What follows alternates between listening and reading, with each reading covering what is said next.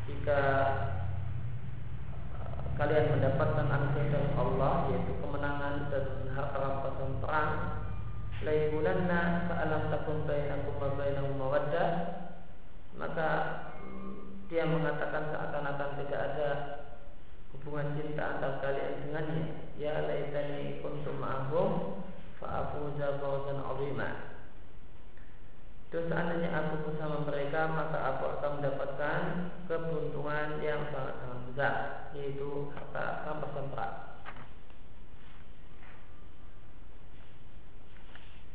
Fahaulai al-mubtiun atau al-mubtiun lam yuhibbu li ikhwanihim ma yuhibbuna li anfusihim. Bal in asabatuhum musibatun farihu bi.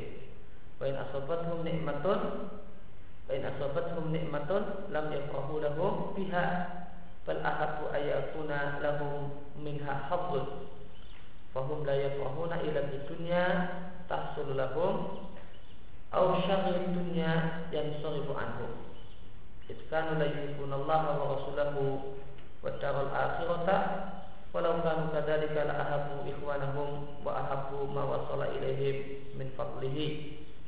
Wa ta'allamu fi ma yusibuhum minal musibati wa man lam yusiruhum man yusiru al mu'minina wa yasu'uhu ma yasu'ul mu'minina falaysa minhum maka mereka orang-orang al-mubatiun ini tidaklah menginginkan untuk saudara mereka sesama mukmin apa yang mereka inginkan untuk diri mereka sendiri. Akan tetapi orang-orang ini punya sifat In asabatum musibatun. Jika kaum muslim ini mendapatkan musibah Maka mereka malah gembira Karena kekhususan yang mereka miliki Yaitu Selamat dari musibah Akan tapi jika kaum muslimin mendapatkan nikmat Mereka juga tidak gembira Tidak ikut merasa gembira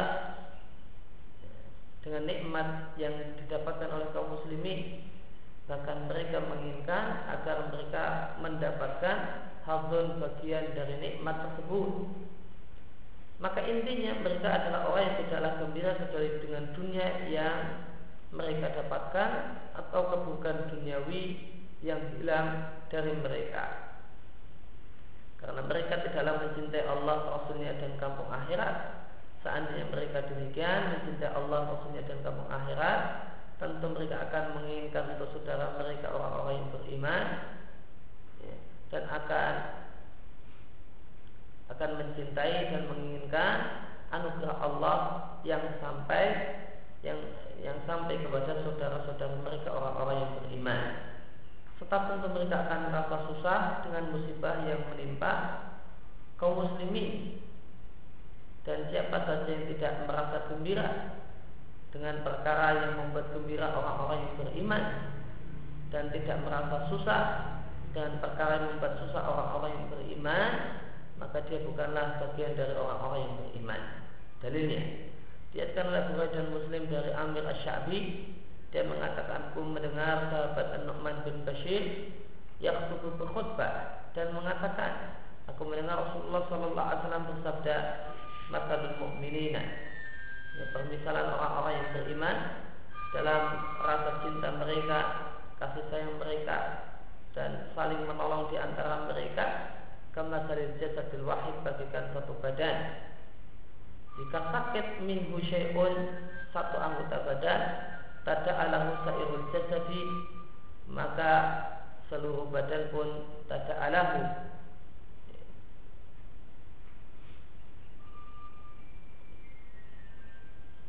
saling menyeru untuk ya, ikut merasakan sakit bentuknya bilhuma dengan panas wasahari dan tidak bisa tidur di waktu malam.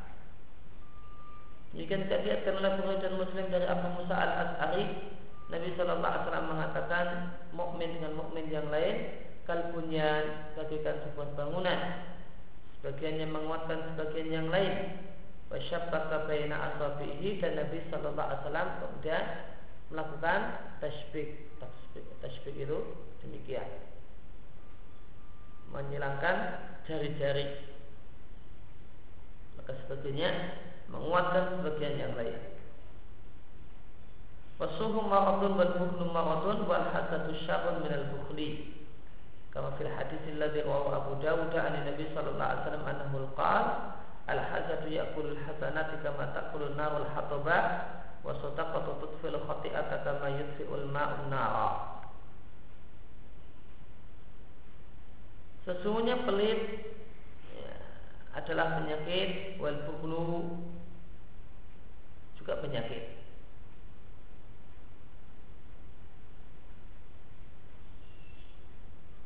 Apa beda suh dengan al-bukhal? Dijelaskan oleh Sayyid Nuzaimin rahimahullah ta'ala di tafsir Amma tepatnya ketika menjelaskan surat al-mutaffifin perbedaan antara suh dan al-bukhal bukhal adalah pelit dalam bentuk tidak mau menunaikan kewajiban.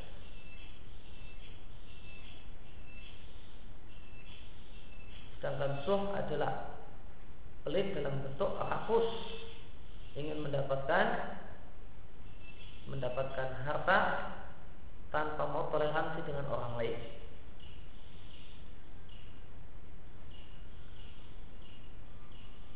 Maka suh itu berkaitan dengan masalah hak. Kalau masalah hak, maka dia nggak mau toleransi. Ya, hak saya sekian ya sekian, nggak ada tawar menawar, nggak ada toleransi, nggak ada diskon. Pokoknya saya minta hak saya dipenuhi utuh. Kalau bukan berkaitan dengan kewajiban. Dia sulit untuk mengeluarkan kewajiban dan seandainya dia menunaikan kewajiban dia minta keringanan agar jangan ya semisal itu ya diringankanlah dikurangi ya, kalau kewajiban kalau masalah kewajiban dia minta agar, agar orang lain toleransi ya, itu bukan sedangkan uh, soft ada berkaitan dengan masalah hak di mana orang itu demikian pelit sehingga tidak ada toleransi dalam haknya jelasan seperti ini tentang perbedaan al-suh dan al-bukhal. Wal hasadu sya'un dan bukhli dan penyakit hasad itu lebih berbahaya daripada bakhil. Sebagian dalam hadis yang diatur oleh Abu Dawud dari Nabi Shallallahu Alaihi Wasallam Nabi mengatakan sesungguhnya hasad itu memakan pahala sebagaimana api memakan kayu bakar yang kering. Dan sedekah itu menghapus dosa bagaimana air yang memadamkan api Jadikan Abu Dawud dari Abu Hurairah dan jadikan oleh Ibnu Majah dari anak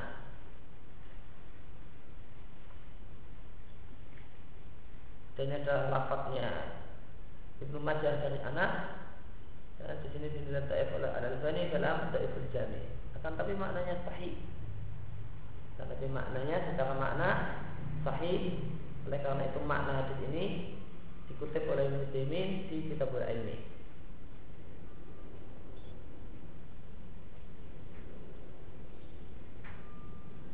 Karena orang yang asal tidak akan melakukan berbagai kebaliman Mendorong orang yang melakukan berbagai, berbagai kezaliman terhadap orang yang dia dengki dengan riba dan yang lainnya. Sehingga ini memakan dan menghabisi pahala yang dimiliki oleh orang yang bakhila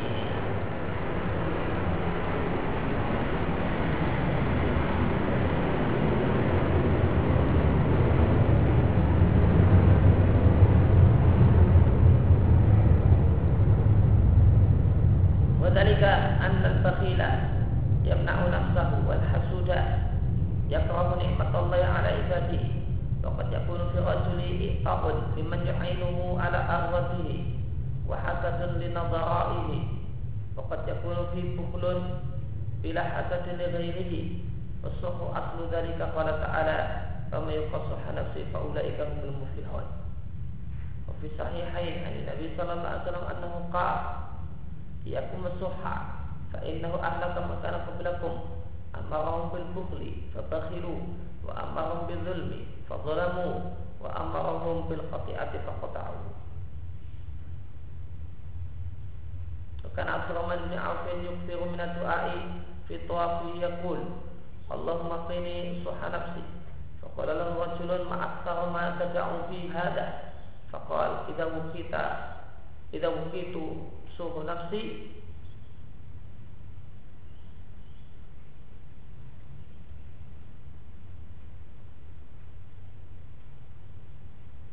wukitu ya? Asuha wa zulma wal qati'ata Wal hasadu yujib Yujibu zulma kurang Demikian itu karena orang yang bakhil itu yang nak nafsahu mencegah dirinya untuk mengeluarkan kewajiban. Sedangkan orang yang hasad maka dia benci nikmat Allah yang ada pada orang lain.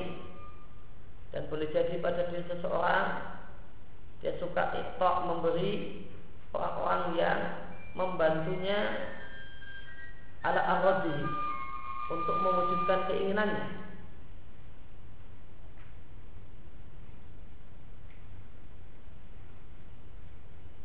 dan boleh jadi pada diri seseorang hasadun hasad kepada orang-orang yang semisal dengannya yang memiliki kesamaan dengan dirinya dan terkadang pada diri seseorang terdapat bakhil namun tanpa hasad pada orang lain. Dan soh ada sumber itu semua. Pada karena itu Allah berfirman Barang siapa yang terjaga dari Sifat soh yang ada pada dirinya Sifat bakhil yang ada pada dirinya Sifat rakus yang ada pada dirinya Maka mereka orang-orang yang beruntung. Dan oleh Bukhari Muslim kata penulis, namun ada catatan lagi dia oleh Abu Dawud dari Ibnu Amr dinilai oleh Al-Bani dalam Sahih Jami' akan tetapi hadis ini tidak ada di Sahihain. Nabi Shallallahu Alaihi Wasallam mengatakan, "Ya kumasuha." Sesungguhnya uh, hindarilah uh, as-suh rakus maka sejarah rakus itulah yang membinasakan orang-orang sebelum kalian. Karena rakuslah yang memerintahkan manusia untuk pelit, akhirnya mereka jadi orang yang pelit. Dan rakuslah yang memerintahkan manusia untuk zalim. Karena suh tadi berkaitan dengan masalah hak. Berkaitan dengan rakus. Dan rakuslah yang memerintahkan orang lain untuk berbuat zalim, akhirnya manusia pun melakukan kezaliman. Dan eh, rakuslah yang memerintahkan orang lain untuk memutus hubungan, akhirnya mereka pun memutus hubungan. Oleh karena itu sahabat Abdurrahman bin Auf itu memperbanyak atau sangat sering berdoa pada saat tawaf dengan mengucapkan ya Allah jagalah aku dari suh yang ada pada jiwaku. Maka ada seorang yang bertanya kepada Abdurrahman bin Auf, betapa seringnya engkau berdoa dengan doa ini? Maka beliau mengatakan, jika aku terjaga dari sifat suh yang ada pada jiwaku maka aku akan terjaga dari rakus terjaga dari kezaliman dan terjaga dari perbuatan memutus hubungan dan hasad itu menyebabkan seorang mendorong orang untuk melakukan tindakan kezaliman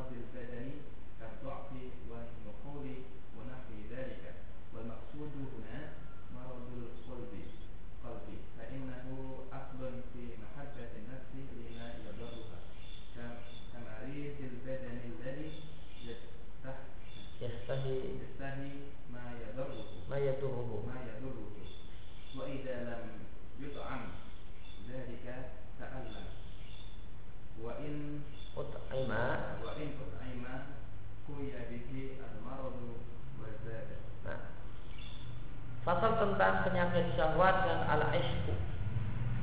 Maka bakhil dan hasad adalah penyakit yang menyebabkan burdu nafsi.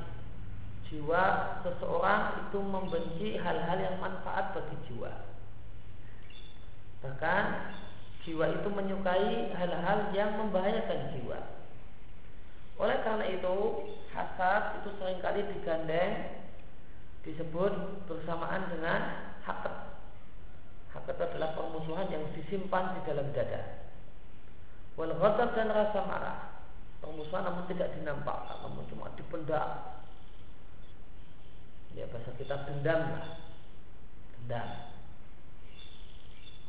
Wa amma maradu syahwat wal adapun penyakit syahwat dan penyakit al-ish yaitu kasmaran bahwa hubun nafsi maka itu adalah penyakit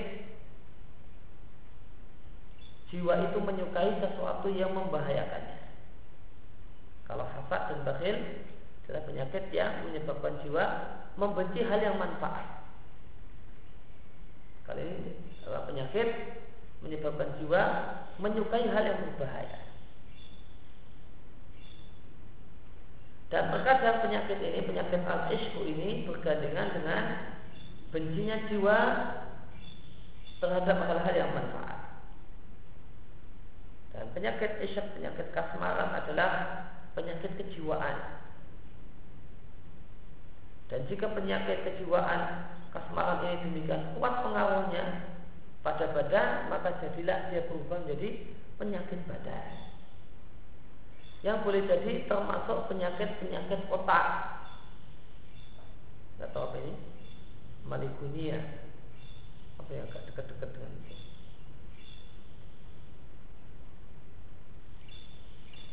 Oleh karena itu dikatakan tentang penyakit kasmaran, dia adalah penyakit was-was. Penyakit bisikan-bisikan yang serupa dengan penyakit malikunia. Dan boleh jadi penyakit kasmaran tersebut adalah menjadi salah satu penyakit badan semacam badan yang lemes, wanuhul dan kurus kering dan semacam itu. Wal maksud guna intinya di sini adalah pembahasan penyakit hati. Karena sesungguhnya penyakit hati adalah asal muasal bagi sukanya jiwa terhadap hal-hal yang membahayakan jiwa. Sebagaimana orang yang sakit badan, dia menyukai hal-hal yang membahayakannya. Dia nggak boleh makan gula, padahal dia senang makan gula. Apa yang terjadi? Orang yang kena penyakit gula nggak boleh makan gula ini sebenarnya malah suka makan gula. Baik dalamnya ta'am jika dia tidak diberi makanan yang dia inginkan yaitu gula tadi ta'allama. Dia susah sakit. Namun jika diberi, maka penyakitnya akan semakin kuat dan akan semakin bertambah. Jadi berbahaya.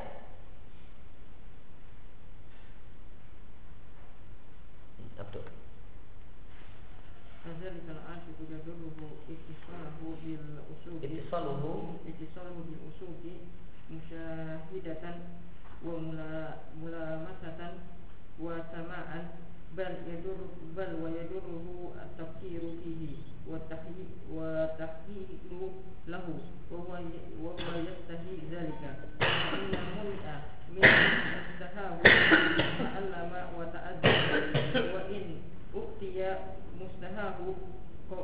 qawiya marduhu. Qawiya maraduhu. Wa kana sababan li ziyadatil alami wa fil hadithi inna allaha yuhmi abdahu al-mu'mina ad-dunya kama yuhmi ahadukum maridahu at-ta'ama wa syaraba. Wa fi munajati Musa wa fi munajati Musa al-ma'surati al-wahabi allati rawaha al-imam Ahmad رواها الإمام أحمد, أحمد في زهدي يقول الله تعالى إني لأزود إني لأزود لا الزهد إني لأزود أوليائي عن نعيم الدنيا ور- ورخائها كما يزود الرائي الشفيق إبله الصفيق إبله الشفيق إبله عن مراتئ الحلقة wa inni la la ujannibannahum. La ujannibannahum sukun sukunaha wa ishaha.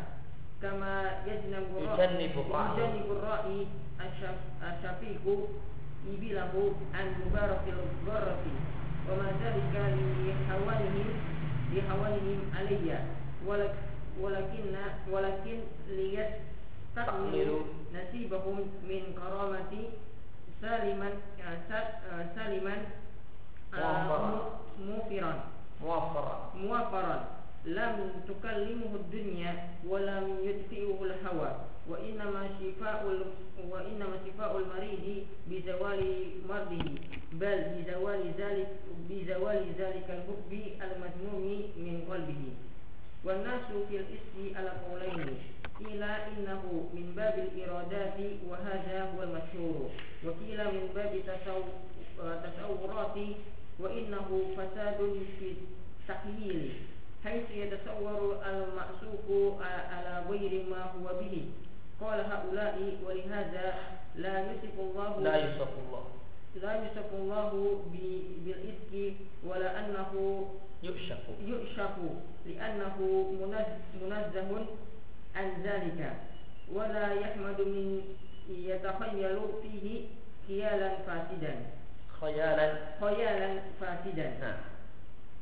Wakadzalika al-asyiq atau demikian orang yang terkena penyakit penyakit kasmaran yadurruhu ittisalu bil ma'syuq. Orang ini akan bertambah berbahaya jika dia berhubungan dengan orang yang dia kasmarani. Musyahadatan.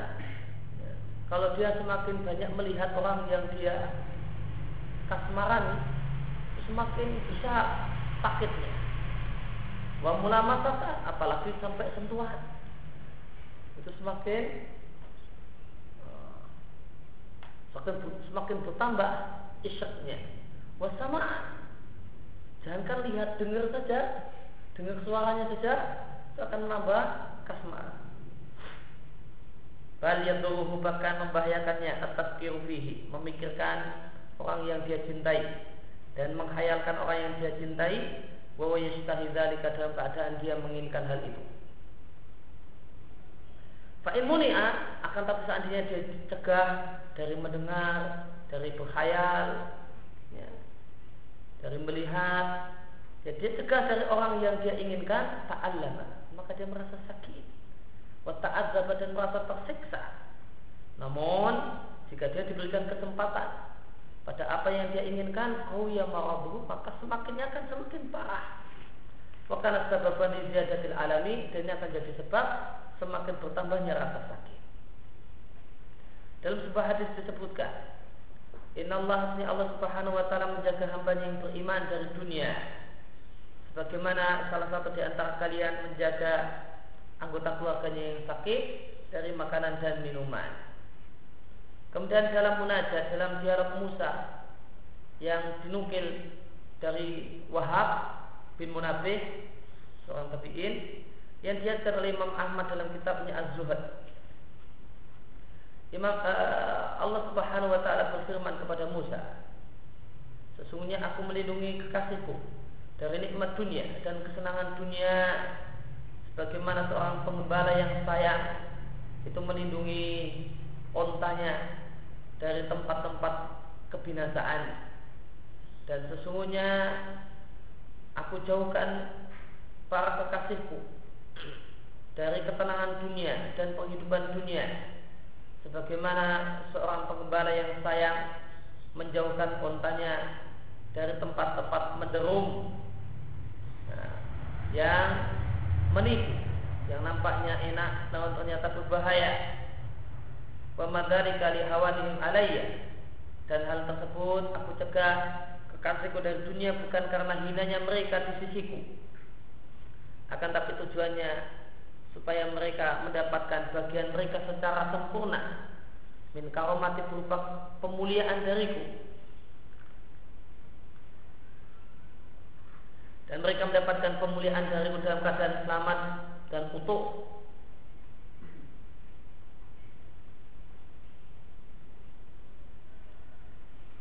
mungkin bukan lam tukallim namun wala lam taklamhu ad-dunya. Dunia tidaklah melukainya dan hawa nafsu tidaklah memadamkannya. Lalu bagaimanakah penyembuhan terhadap orang yang punya penyakit kasmaran ini ya, dituruti tambah kasmaran? Ya. Dituruti sakit. Wa inna masyifaul marid hanyalah Eh, penyakit uh, kesembuhannya orang yang sakit adalah dengan menghilangkan, dengan memangkas penyakitnya. Maka caranya adalah bizawali dzalikal hubbil mazmum. Harus dipangkas, dihilangkan rasa cinta yang tercela tersebut dari hatinya. Itulah cara mengobatinya. Dan pandangan manusia tentang penyakit kasmaran itu ada dua pendapat. Ada yang mengatakan itu adalah penyakit iroda, penyakit tentang masalah keinginan. Keinginannya yang bermasalah, yang sakit. Inilah pendapat yang terkenal. Dan saya mengatakan ini adalah penyakit tasawura, penyakit dalam masalah imajinasi. Dalam masalah penggambaran. Artinya, Isyad adalah kerusakan dalam khayalan karena orang yang terkena penyakit al isku itu membayang-bayangkan orang yang dia cintai tidak sebagaimana keadaan aslinya. Dianggap seakan-akan manusia sempurna, tanpa cacat, begini begitu. Padahal jeleknya banyak sekali, cacatnya banyak sekali. Kalau haulah mereka-mereka mengatakan, oleh karena itu Allah tidaklah bersifat dengan al-isku. Tidaklah Allah isyak terhadap hambanya. Enggak. Demikian pula Allah Subhanahu wa taala itu la uh, wala annahu yusyaku dan tidak boleh seorang hamba itu isyak dengan Allah. Karena Allah Subhanahu wa taala tersucikan dari hal tersebut dan tidaklah terpuji menyatakan fihi Orang yang membayang-bayangkan Allah dengan bayang-bayangan yang tidak benar. Wa amal awaluna fa minhum man qala yusafu bil ishqi fa innahu al mahabbatu. Adapun orang-orang terdahulu maka di antara mereka ada yang mengatakan Allah punya sifat isyak. Artinya Allah mencintai isyak terhadap hambanya. Alasannya karena makna isyak adalah cinta yang sempurna. Wallahu yuhibbu wa yuhabbu dan Allah mencintai dan dicintai.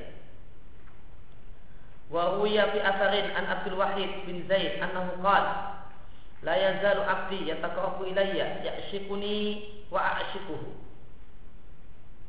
Wa hadha qawlu ba'd sufiyati wal jumhur la yutliquna hadha al-lafdha fi haqqillah لأن العشق والمحبة المفرطة الزائدة على الحد الذي لا ينبغي والله تعالى محبته لا نهاية لها فليس تنتهي إلى حد لا تنبغي مجاوزته. ولهؤلاء والعشق مذموم مطلقا لا يمدح في محبة الخالق ولا المخلوق لأنه المحبة المفرطة الزائدة على الحد المحدود.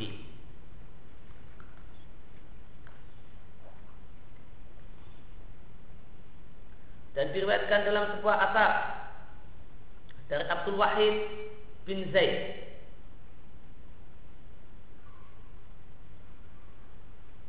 Abdul Wahid bin Zaid ini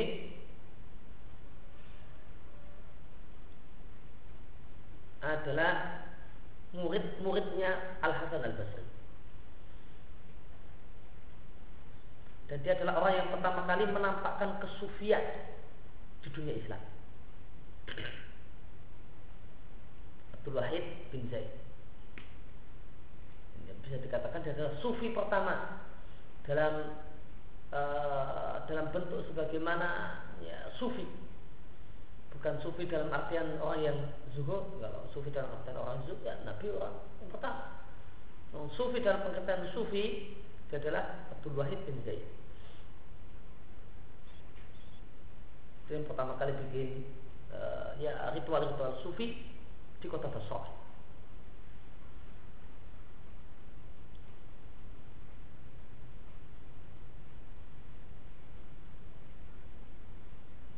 Dia mengatakan men, men, anak bahasanya Allah berfirman di dalam tindih hambaku mendekatkan kepadaku dia isyak kepadaku dan aku isyak kepadanya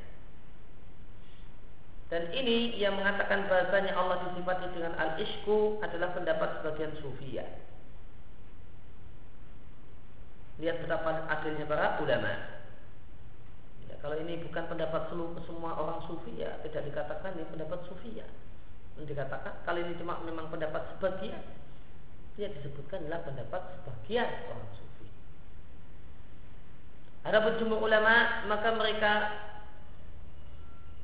tidaklah menggunakan istilah ini yaitu al-isku untuk Allah. Kenapa? Karena isku maknanya adalah cinta yang berlebih-lebihan. Az-zaid alal had yang sudah overdosis yang lebih daripada batas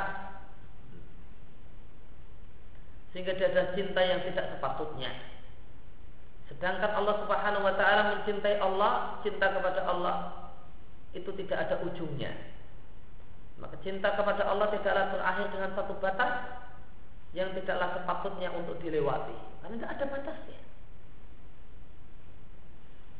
Mereka-mereka itu jumhur mengatakan al-ishku itu tercela secara mutlak. Tidaklah terpuji baik dalam pengertian mencintai Khalik, mencintai Allah ataupun mencintai makhluk. Maka istilah ishq tidak terpuji. Kenapa? Karena al-ishku maknanya adalah cinta yang berlebihan, yang overdosis, uh, yang lebih dari batas yang telah ditetapkan. Wa aidan fa inna lafdzul ishqi inma yusta'malu fil urfi fi mahabbatil insani limra'atin aw sabiyyin. La yusta'malu fi mahabbatin ka mahabbatil ahli wal mali wal jahi wa mahabbatil anbiya'i was salihina. Wa huwa maqrunun katsiran fil fi'lil muharrami imma bi mahabbati imra'atin ajnabiyatin aw sabiyin yaktarinu fi an-nadharul muharramu wa lamsul muharramu wa ghairu dhalika min al-af'alil muharramati. Wa amma mahabbatu rajuli li imra'atihi aw sariyatihi mahabbatan tukhrijuhu 'anil ajli bi aidi yaf'alu li ajliha ma la yahillu wa yatruku ma yajibu kama huwa katsiran hatta yadlimu ibnahu min imra'atihi al-atiqati lima haqqatihi al-jadidati. Wa hatta yaf'alu min matalibiha al-mazmumati ma yadurruhu fi dinihi wa dunyahu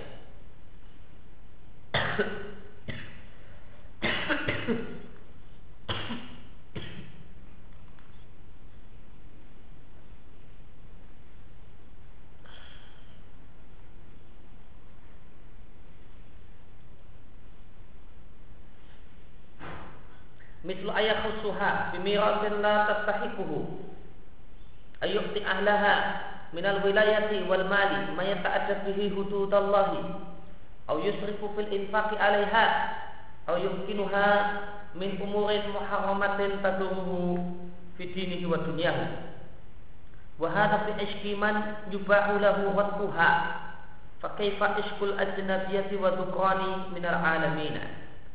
Fafihi minal fasadi ma la yuhdihi illa rabbul ibad. Wa huwa min amratin lati tufsitu dina sahibiha Wa irdihi Thumma qad tufsitu aqlahu Thumma jismahu. Wa aizan dan juga sesungguhnya istilah isyak Hanyalah digunakan fil urfi Dalam urufnya orang Arab untuk cinta dalam pengertian cintanya seseorang seorang laki-laki dengan seorang perempuan atau cinta sahwat seorang laki-laki dengan anak kecil artinya humu. Lain takman istilah isak tidaklah digunakan dalam rasa cinta sebagaimana cinta kepada istri, cinta kepada harta dan kedudukan, atau cinta kepada para nabi dan orang-orang saleh. Dan istilah isyak itu sering kali bergandengan dengan perbuatan yang haram. Biasanya isyak itu adalah cintanya seorang laki-laki dengan perempuan ajnabiyah yang belum jadi istrinya dan bukan istrinya. Umumnya. Ini aslinya dalam asli istiqmal cinta seorang laki-laki dengan perempuan atau anak kecil. Yaitu pasangan homo. Yang biasanya anak kecil lah yang jadi sasaran homo. Namun sering-seringnya isak ini bergandengan dengan perbuatan yang haram. Mencintai perempuan perempuan yang bukan istrinya. Atau mencintai anak kecil yang kecintaan tersebut bergandeng dengan bergandeng dengan pandangan yang haram, sentuhan yang haram dan perbuatan-perbuatan yang haram yang lainnya. Dan boleh jadi al-ishku itu digunakan dalam pengertian cintanya seseorang seorang laki-laki terhadap istrinya ausariyati atau budak perempuan yang dia kumpuli namun rasa cinta yang mengeluarkannya dari sikap adil.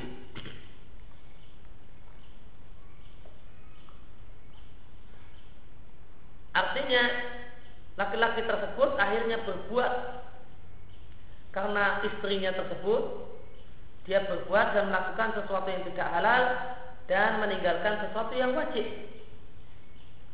Bagaimana ini sering kali terjadi. Sampai-sampai ada seorang suami mendolimi anaknya. Anaknya sendiri yang merupakan dari istri yang tua.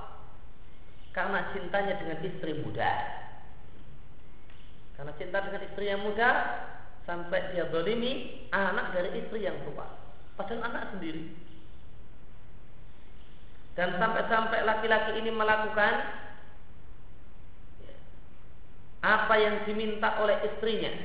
Pada itu ada permintaan tercela yang membahayakan suami ini, membahayakan agama dan dunia si suami. Misalnya, memenuhi permintaan yang tercela contohnya adalah akhirnya lelaki ini mengkhususkan istrinya dengan warisan yang tidak menjadi hak yang tidak menjadi hak si perempuan tersebut. Atau dia berikan kepada ahli hak keluarga si perempuan kekuasaan dan harta yang kekuasaan dan harta tersebut digunakan untuk melanggar batasan-batasan Allah atau ya, karena tuntutan dari istri maka dia berlebih-lebihan dalam memberikan nafkah kepada istrinya atau memberikan kesempatan pada istrinya untuk melakukan hal-hal yang hukumnya haram yang ini membahayakan suami, agama dan dunia suami.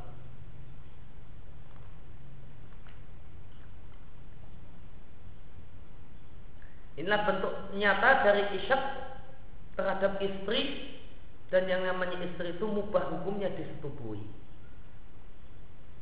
Mubah hukumnya watuha menyetubuinya. Maka bagaimanakah lagi? Dan kita katakan apa? Isyak terhadap istri tercela. Karena dampaknya semacam ini. Fakaifa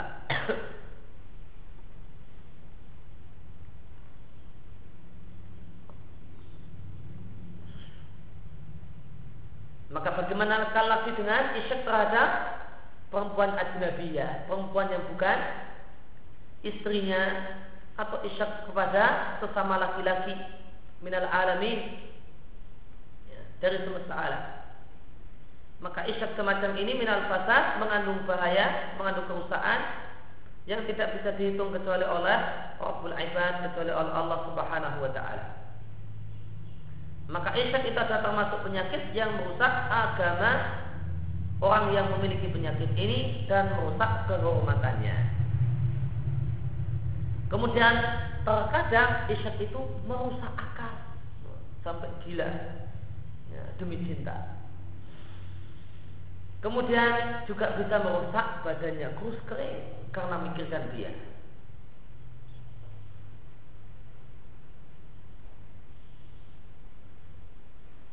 Fala taqta'na bil qawli fa yatma'a alladhi fi qalbihi marad. Wa man fi qalbihi marad syahwati wa iradatu surati mata khabi'a al matlubu tama'a al maridu. Wa tamu yuqawwi al iradata wa talaba.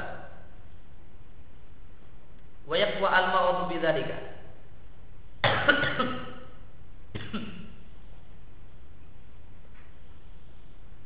Bikhilafi ma idza kana aisan minal matlubi. Fa innal ya'sa tuzilu tam'a. Fatata'afu al-iradatu fayata'af fayata'afu al-hubbu. Fa innal insana la yuridu ala yakuna ma'al iradati amalun aslan. Bal yakunu min hadisi nafsin. Illa ayaktarina bidzalika kalamun aw nadharun wa nahmu dzalika. Wa amma idza ubtuliya bil ishqi wa afa wa sufara fa inna yusabu ala taqwahu lillahi. Wa qad ruya fil hadithi inna man ashaqa fa afa wa katama wa safara thumma mata kana syahidan Allah Subhanahu wa taala berfirman kepada para perempuan, janganlah kalian melembut-lembutkan suara, maka akan punya keinginan orang-orang yang di dalam hatinya terdapat penyakit. Maka orang yang di dalam hatinya terdapat penyakit syahwat, wa iradatu surah. Punya penyakit berupa menginginkan gambar. Maksudnya apa? Selalu terbayang-bayang dia terbayang-bayang dengan seorang perempuan. Sudah terbayang-bayang dengan perempuan ketemu dengan perempuan tersebut ternyata khodoa al matlub orang yang dicari si perempuan tersebut malah melembut-lembutkan suara di depannya apa yang terjadi Oh, belum ketemu sudah dibayang-bayangkan. Setelah ketemu, malah perempuan tersebut melembut-lembutkan suara. Maka jelas yang akan terjadi dan toma. Orang yang punya penyakit ini kemudian punya harapan angan-angan yang aneh-aneh. Dan harapan ini ini akan menguatkan keinginan dan akan menguatkan atolak tuntutan untuk bisa mendapatkan sehingga penyakit isyak itu semakin kuat. Beda ya, Jika karena aisan jika orang yang kena penyakit tadi putus asa minal maklub dari orang yang dia inginkan, tidak mungkin bisa mendapatkannya. Ada di dalam hatinya, saya memang senang sama perempuan itu, namun siapa mungkin ya, mendapatkannya. Kenapa? Karena yang diiseki uh, artis.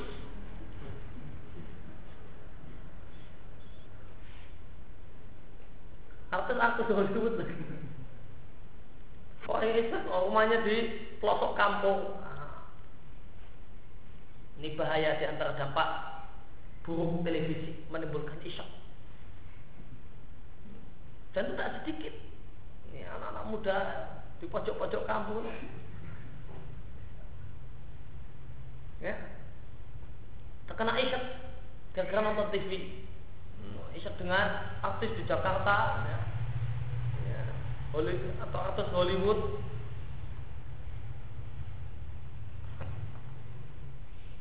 Namun biasanya ikat semacam ini nggak begitu parah. Kenapa? Karena ada aliaksu. Mau apa yang mungkin? Gaweannya macul, kerjaannya macul, menginginkan si A dan si B. Kenapa? Ada alias. Fa'inal ya'sa. Karena putus asa itu akan menghilangkan harapan. Jika harapan sudah hilang, maka keinginan akan melemah. Kemudian dampak berikutnya akan menyebabkan lemahnya rasa cinta. Maka sebenarnya manusia tidaklah menginginkan Allah yakuna ma'al iradati amalun aslan. Dalam menginginkan tidak ada bersama iradah amal sama sekali. Bahkan cuma sekedar lintasan hati. Kecuali jika hal tersebut bergandengan berkaitan dengan ucapan dan pandangan dan semacam itu. Adapun seorang yang mendapatkan cobaan terkena penyakit isyak, wa afa kemudian dia menjaga kehormatannya, menjaga kemaluannya dan tetap bersabar, maka dia akan mendapatkan pahala karena takwanya kepada Allah. Disebutkan diriatkan dalam sebuah hadis, barang siapa yang terkena penyakit isyak, penyakit kasmaran dan jatuh cinta yang haram, fa'afa. Lalu dia menjaga kehormatan dan menjaga kemaluannya dia sembunyikan rasa isyaknya, tidak untuk dicuta-cutakan. Keimpi-impi ya, mengimpikan dia. Tidak disembunyikan. Tidak ada orang yang tahu. Isyak itu cuma antara baina wa baina Allah. Wa dan dia bersabar. Cuma mata kemudian dia mati ada syahidah maka status matinya adalah mati syahid. Diatkan oleh Al-Khatib dalam Tarikh Baghdad dari Ibn Abbas radhiyallahu anhu namun dinilai oleh Al-Albani hadisnya adalah hadis mudhu.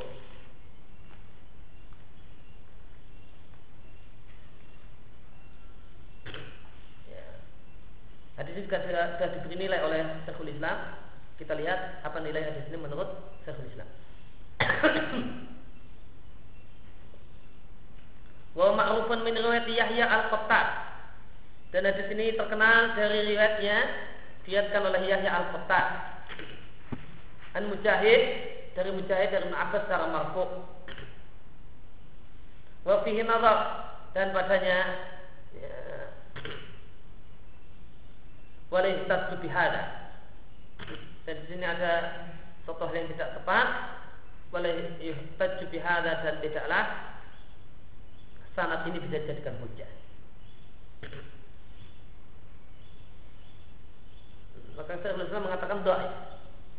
Demikian juga Ibnul Qayyim di Zadul Ma'ad mengatakan doa.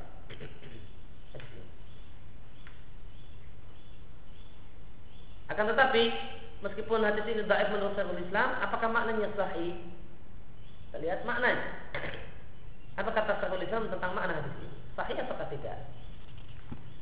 Lakin minal maklumi fi adillati syar'i annahu idza afa 'anil muharramati nadaran wa qawlan wa amalan wa katama dzalika falam yatakallam fihi hatta la yakuna fi dzalika kalamun muharramun imma syaqwa ila makhluqin wa imma idharu fahishatin wa imma nau'u talabin lil ma'syuqi wa sabara ala ta'atillahi wa an ma'siyatihi ala ma fi qalbihi min alamil ishqi kama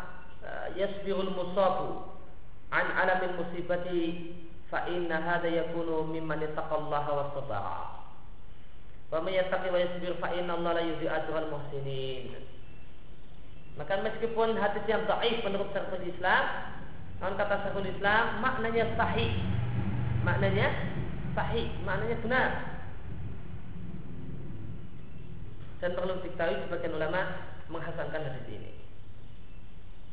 Saya ambu Amr Abdul Mu'in Salim menghasankan hadis ini.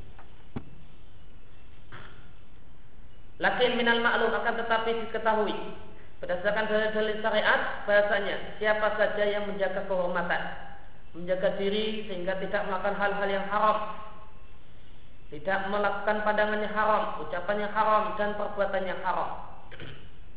Kemudian dia sembunyikan isyaknya, sehingga dia tidak meng, tidak me, mengatakan mengatakan isyaknya. Sehingga tidak ada dalam hal tersebut perkataan yang haram. Apa yang dimaksud dengan menyembunyikan? Atau tidak mengucapkannya tidak mengatakan-katakannya tidak membahasnya. Apa contohnya? Imasyak wa ila makhlukin. Tidak ada mengadu kepada makhluk mengadu kepada makhluk cerita pada orang saya susah ya saya jatuh cinta dengan dia namun bertepuk sebelah tangan tidak ada mengadu kepada makhluk juga tidak ada menampakkan perbuatan keji keinginan untuk berzina atau keinginan untuk berhubungan dengan dia dengan hubungan yang haram. Tidak pula ada kata-kata yang menunjukkan nauk tolak. Tuntutan, permintaan kepada orang yang diisyaki. Dengan mengatakan ya kalau memang kita sudah tidak mungkin bersatu ya saya tolonglah ketemu sekali saja. Nah, bahasa saya ingin ketemu sekali saja. Permintaan kepada maksud dan dia tetap bersabar untuk taat kepada Allah. Dan bersabar untuk tidak bermaksiat alama fi meskipun di dalam hatinya min alamat isyqi terdapat rasa sakit karena isyak sebagaimana orang yang tertimpa musibah bersabar karena sakitnya musibah. Maka orang semacam ini maka dia adalah orang yang bertakwa kepada Allah dan orang yang bersabar.